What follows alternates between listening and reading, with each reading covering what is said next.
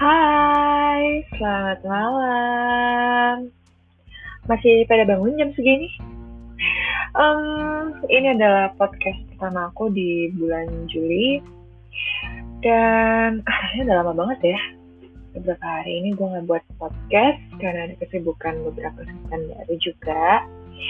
Uh, hari ini gue bakal ngebahas uh, sesuatu yang udah pernah gue bahas di Twitter gue tentang lebih baik izin daripada minta maaf.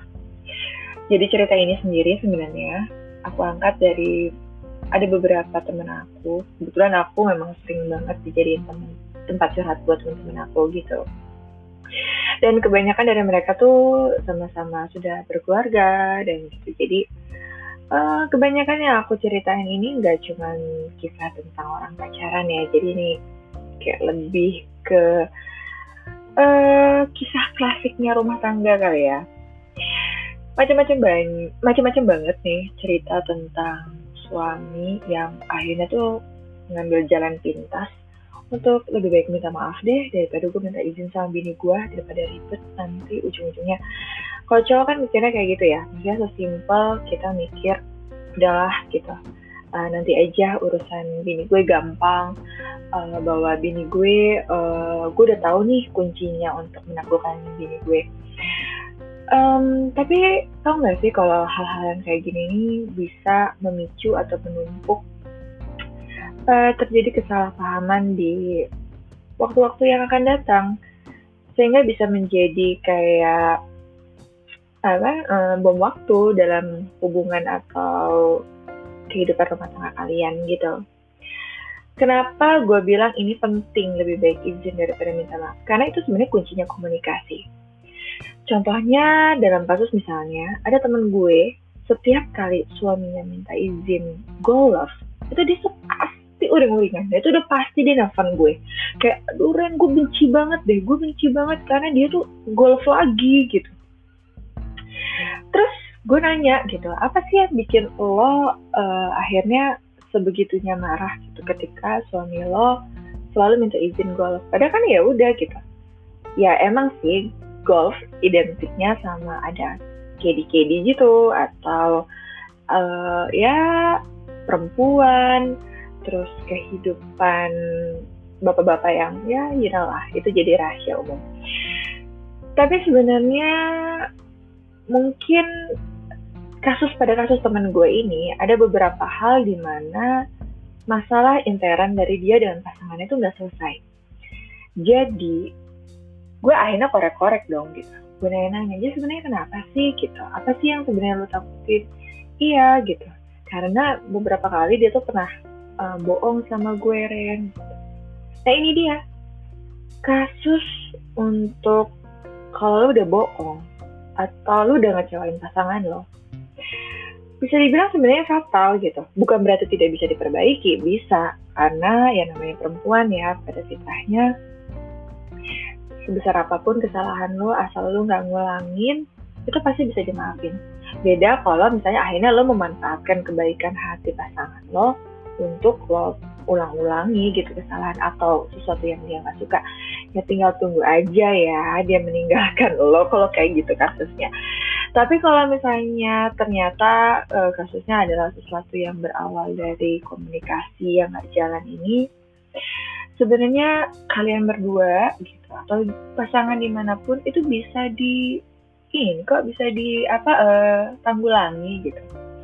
Dan please deh kalau kalian para suami bisa sabar menghadapi rekan, bisa menghadap uh, sabar menghadapi teman-teman di kantor atau kalian misalnya dokter pasien gitu kalau kalian guru menghadapi mahasiswa um, kalian bisa menaruh kesabaran karena menghadapi orang lain.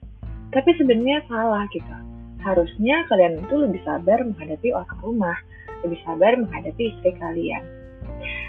Um, gue nggak sok ceramah sih, cuman kan memang Rasulullah sendiri kan ngingetin gitu bahwa orang yang paling baik di antara kalian adalah yang paling baik pada pasangannya, pada keluarganya. Kalau misalnya akhirnya pasangan lo ngerasa bahwa lo menzolimi dia, sebesar apa pun yang lo lakuin di luar sana gue rasa kayak apa ya untuk apa gitu ketika hmm, pasangan lo ngerasa terluka terzolimin sama sikap lo tapi lo bisa baik di luar sana agak aneh bukan dan sedekah itu kan nggak cuma tentang uang, nggak cuma tentang tenaga, tapi lo bisa ngasih kehangatan, bisa ngasih penjelasan yang enak ke istri, bisa ngasih ketenangan batin kepada istri. Gue rasa itu adalah salah satu bentuk sedekah yang cukup besar gitu ya bisa dilakukan seorang suami. Kalau misalnya istri lo komplain terhadap kenapa sih tiap minggu harus uh, tiap minggu harus uh, main golf gitu. Tapi sih tiap minggu harus futsal. Kenapa sih tiap minggu harus minggu-minggu gini tetap harus rapat? Atau tetap harus balik rumah sakit? Atau tetap harus ngajar gitu? Gue rasa itu yang harus dihadapin dengan uh, sikap dewasa seorang laki-laki. Kenapa gue bilang kayak gini? Karena memang perempuan itu kan terciptanya lemah um, clingy sama lo, terus manja gitu.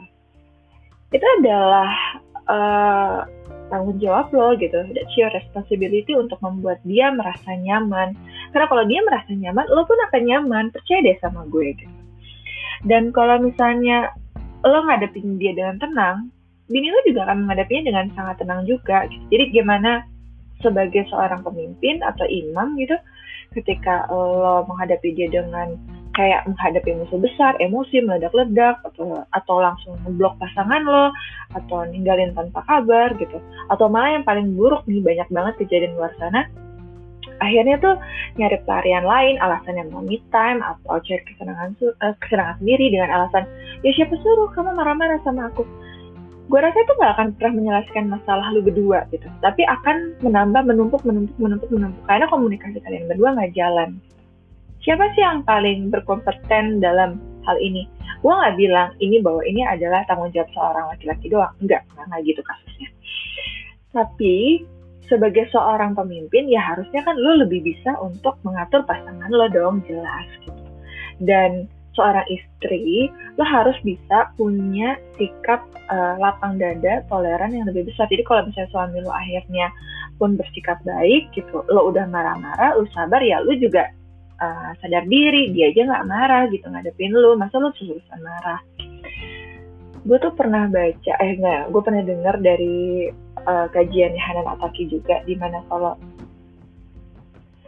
kalau misalnya lo ngadepin istri itu memang nggak boleh pakai kata gue tunggu nih ya sampai berapa kali dia bikin gue kesel gue meledak. Nggak boleh gitu nggak boleh. Kenapa? Karena dia adalah um, apa namanya dia tuh adalah uh, bagian dari lo. Kenapa gue bilang kayak gitu? Sekarang gini deh masa sih lo selalu bisa sabar gitu ya? Selalu bisa menerima kekurangan orang lain. Ini sama orang yang ngurusin lo setiap hari ngurusin lo dari atas uh, kaki sampai uh, kepala ngurusin perut lo yang mikirin lo dengan segenap jiwanya dia uh, ngabdiin seluruh hidupnya dia buat lo kenapa sih lu nggak mau sedikit menurunkan ego lu sendiri gitu? Kenapa? Kenapa lu bisa sangat memahami, belajar memahami orang lain, tapi pasangan lo yang lo sebut cinta lo gitu ya, tempat lo ngebuang semua nafsu lo sama dia, tempat lo berbagi ketawa dan teman hidup lo, lo nggak mau. Karena memang semuanya itu berangkat dari rasa cinta dan gue yakin kalau udah ngomong tentang cinta nah, cinta itu fitri ya. Itu rasanya dari Allah dari Tuhan. So berarti lu butuh komitmen sama Tuhan lo yang baik. Ketika lo punya komitmen yang baik sama Tuhan lo ketika lo berjanji bahwa lo mencintai dia karena Tuhan lo karena lo bentuk salah satu bentuk terima kasih lo terhadap Tuhan menciptakan satu manusia dari rusuk lo sendiri, lo akan menjaga dia dengan segenap hati. Dalam kasus hal ini adalah um, satu orang laki-laki dan satu orang perempuan ya. Gue nggak mau gue nggak bisa membahas kalau di luar dari itu semua. By the way, um, kembali lagi ke topik kita. Uh, perempuan itu kan sangat sulit dimengerti ya. Hal yang uh, yang simpel aja bisa jadi rumit gitu buat perempuan apalagi hal yang rumit itu bisa akan jadi sangat sulit lah buat dia. Karena kan perempuan itu tercipta gampang sebenarnya mereka tuh gampang memaafkan tapi sulit banget melupakan. Jadi memang agak kalau menghadapi perempuan ya lo memang harus ekstra sabar. Sama seperti dia juga ekstra sabar dalam hadapi lo melayani semua kebutuhan lo gitu. Yang namanya sebuah rumah tangga itu adalah teamwork kan saling membesar-besarkan toleransi. Dan memang kuncinya tetap kembali pada komunikasi itu sendiri. Nah gimana sih kalau ternyata pasangan lo itu atau lo telah membuat kesalahan yang fatal banget terhadap pasangan bukan berarti lo nggak bisa termaafkan. Gue yakin kok gue yakin kalau lu minta maaf yang benar dan lu nggak akan ngulanginnya gue yakin tuh pasti dia bisa maafin sebejat apa pun yang udah lo lakuin. Sebesar apa pun kesalahan yang udah lu lakuin ke dia pasti dia maafin. Kecuali memang udah benar-benar keterlaluan. Karena itu memang tugas lo tugas lo untuk membimbing dia tugas lo untuk membuat dia merasa nyaman tugas lo untuk membuat dia untuk taat gitu taat sama lo. Nah, um, gue sebagai perempuan nih gue ngomong dari kacamata perempuan, jadi gue juga nggak mau ngomong uh, selalu ngebela perempuan, nah, nah kayak gitu juga. Tapi memang perempuan itu memang eh, nggak uh, suka sesuatu yang ditutupin. Jadi dia tuh lebih baik lu jujur meminta sesuatu di awal daripada lu akhirnya harus minta maaf karena akan berabe dan akhirnya agak panjang udah panjang lu sendiri yang pusing gitu. Nah, kalau misalnya udah sampai dia pun marah, gue punya beberapa tips nih buat lo dalam menghadapi perempuan-perempuan yang sedang marah. Kalau ternyata lo ternyata sudah melakukan kesalahan atau mencoba meminta maaf terhadap kebohongan-kebohongan kecil lo yang kemarin. Yang pertama, itu mungkin kalau lo sekarang sedang berjarak dengan istri lo, sekarang lo misalnya tetap akhirnya gue milih untuk stay di kantor deh gitu. Daripada gue pulang gue pusing gue berantem gue nggak mau. Lo bisa whatsapp dia dengan salam dengan say hi atau apa pun yang bisa bikin dia senyum. Yang tahu pasangan lo dia adalah sendiri. Yang kedua lo harus turunin ego lo cuy. Karena gimana ya bini lo tuh kan bukan saingan lo gitu. Ya udah nggak apa-apa dibilang cupu sama istri Iya kan? Emang dia akan keluar-keluar. Hehehe, lu tau gak sih suami gue cupu banget. Kan gak kayak gitu ya. Jadi dia juga tidak akan mungkin berkeluar di media atau menjelek-jelekan lu. So, gak masalah kok. Harus egonya turun di hadapan istri. Itu mulia banget. Dan yang ketiga, kalau lo membujukin dia, lo bisa nanya. Kayak tebak, hari ini aku ngajakin kamu makan di mana? Atau, ayo tebak, aku udah beli tiket apa hari ini? Kamu mau nonton kan? Aku yakin deh, gue yakin pasti hmm, walaupun dia marah, tapi sebenarnya di dalam otaknya tuh dia lagi berpikir kayak, oh ya ampun, kok dia sweet ya cara dia minta maaf sama gue. Yang keempat adalah tawarin sesuatu yang sederhana tapi berkesan. Jadi, lo kan tahu nih, karakteristik dari pasangan lo. Jadi lo nggak usah mencari sesuatu yang something big, something wah, tapi sebenarnya dia nggak nyaman. Sekedar lo makan di pinggiran jalan, kalau dia suka pecel lele di suatu tempat dan lo uh, menemenin dia makan pecel lele kesukaannya dia, atau misalnya ada cilok yang dia suka, itu akan sangat seneng gitu. Dia akan sangat bahagia karena perempuan itu pada dasarnya itu akan lebih apa ya lebih terasa tersentuh gitu lebih bahagia. Kalau dia diberikan sesuatu yang sederhana tapi dari hati karena dia bisa ngerasain. Jadi kalau misalnya lo beliin ya ini gue punya temen ya ini gue cerita dikit gue punya temen eh, suaminya bujukin gitu terus kayak dikasih HP Sultan yang harganya puluhan juta terus dikasih ya ini buat kamu gitu. Kayak istrinya juga ngerasa bahwa ini sebenarnya permintaan maaf ya karena dia sudah bohong uh, untuk pulang malam gitu uh, istrinya tuh cerita gitu sama gue kayak gue tuh nggak ngerasa dia minta maaf. Akan jadi kayak gitu guys. Jadi kalau misalnya kadang kadang yang sederhana aja gitu. Nggak usah yang terlalu wah tapi akhirnya lo nggak tulus ngasihnya gitu. jadi lebih baik yang simpel-simpel aja. Terus yang kelima lu jelasin. Jelasin lo tanya ada apa sih dengan komunikasi kalian? Tanya alasannya baik-baik kenapa? Apa sih yang bikin kamu nggak suka sayang? Apa sih alasan kamu nggak ngizinin?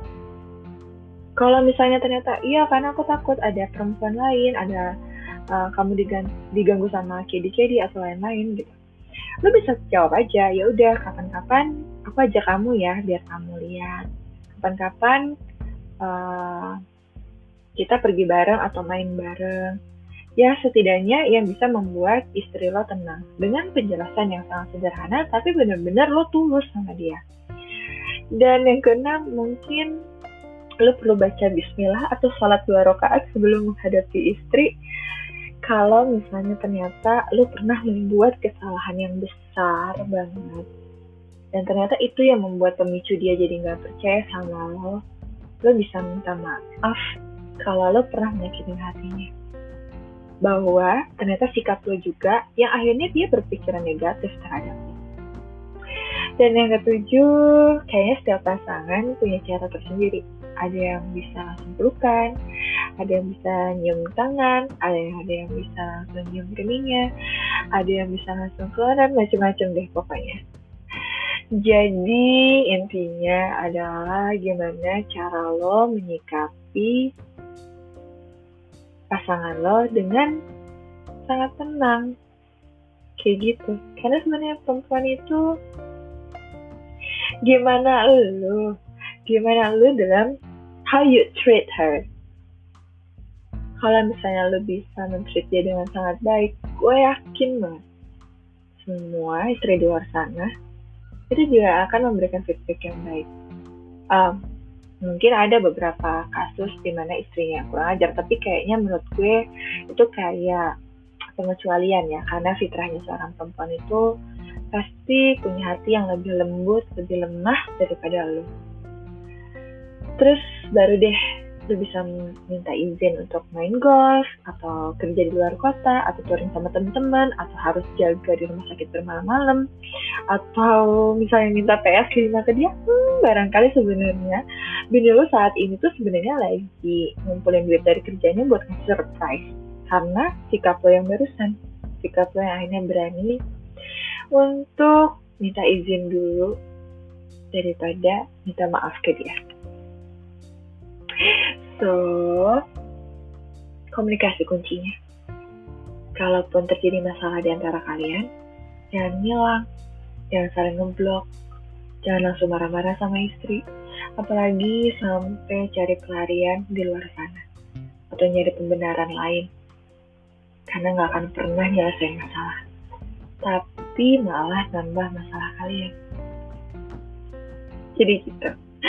Kalaupun kalaupun itu bisa membuat semua uh, kesenangan-kesenangan tadi kesenangan menghilang lo ngeblok lo marah-marah dan lain-lain itu bisa bikin hidup lo hidup lo uh, tenang gitu untuk sementara. Tapi gue yakin itu nggak akan membuat diri lo bahagia. Percaya deh. Karena pada dasarnya istrimu wanitamu belahan jiwa kamu itu bahkan lebih tahu dari ibumu sendiri saat ini. Istri yang selalu meluk kamu setiap tidur, selalu kamu yang selalu nyium bau nafas kamu, yang selalu ngucapin I love you sebelum tidur dan tiap bangun tidur. Sayangkan, kalau hanya karena perkara kecil, sesuatu yang indah banget antara kalian berdua, harus berganti dengan perkelahian, marah-marah. Karena pada dasarnya, kalian itu saling cinta. Jadi komunikasi tetap jadi jawabannya. Selamat mencoba. Sampai ketemu di podcast aku selanjutnya. Assalamualaikum.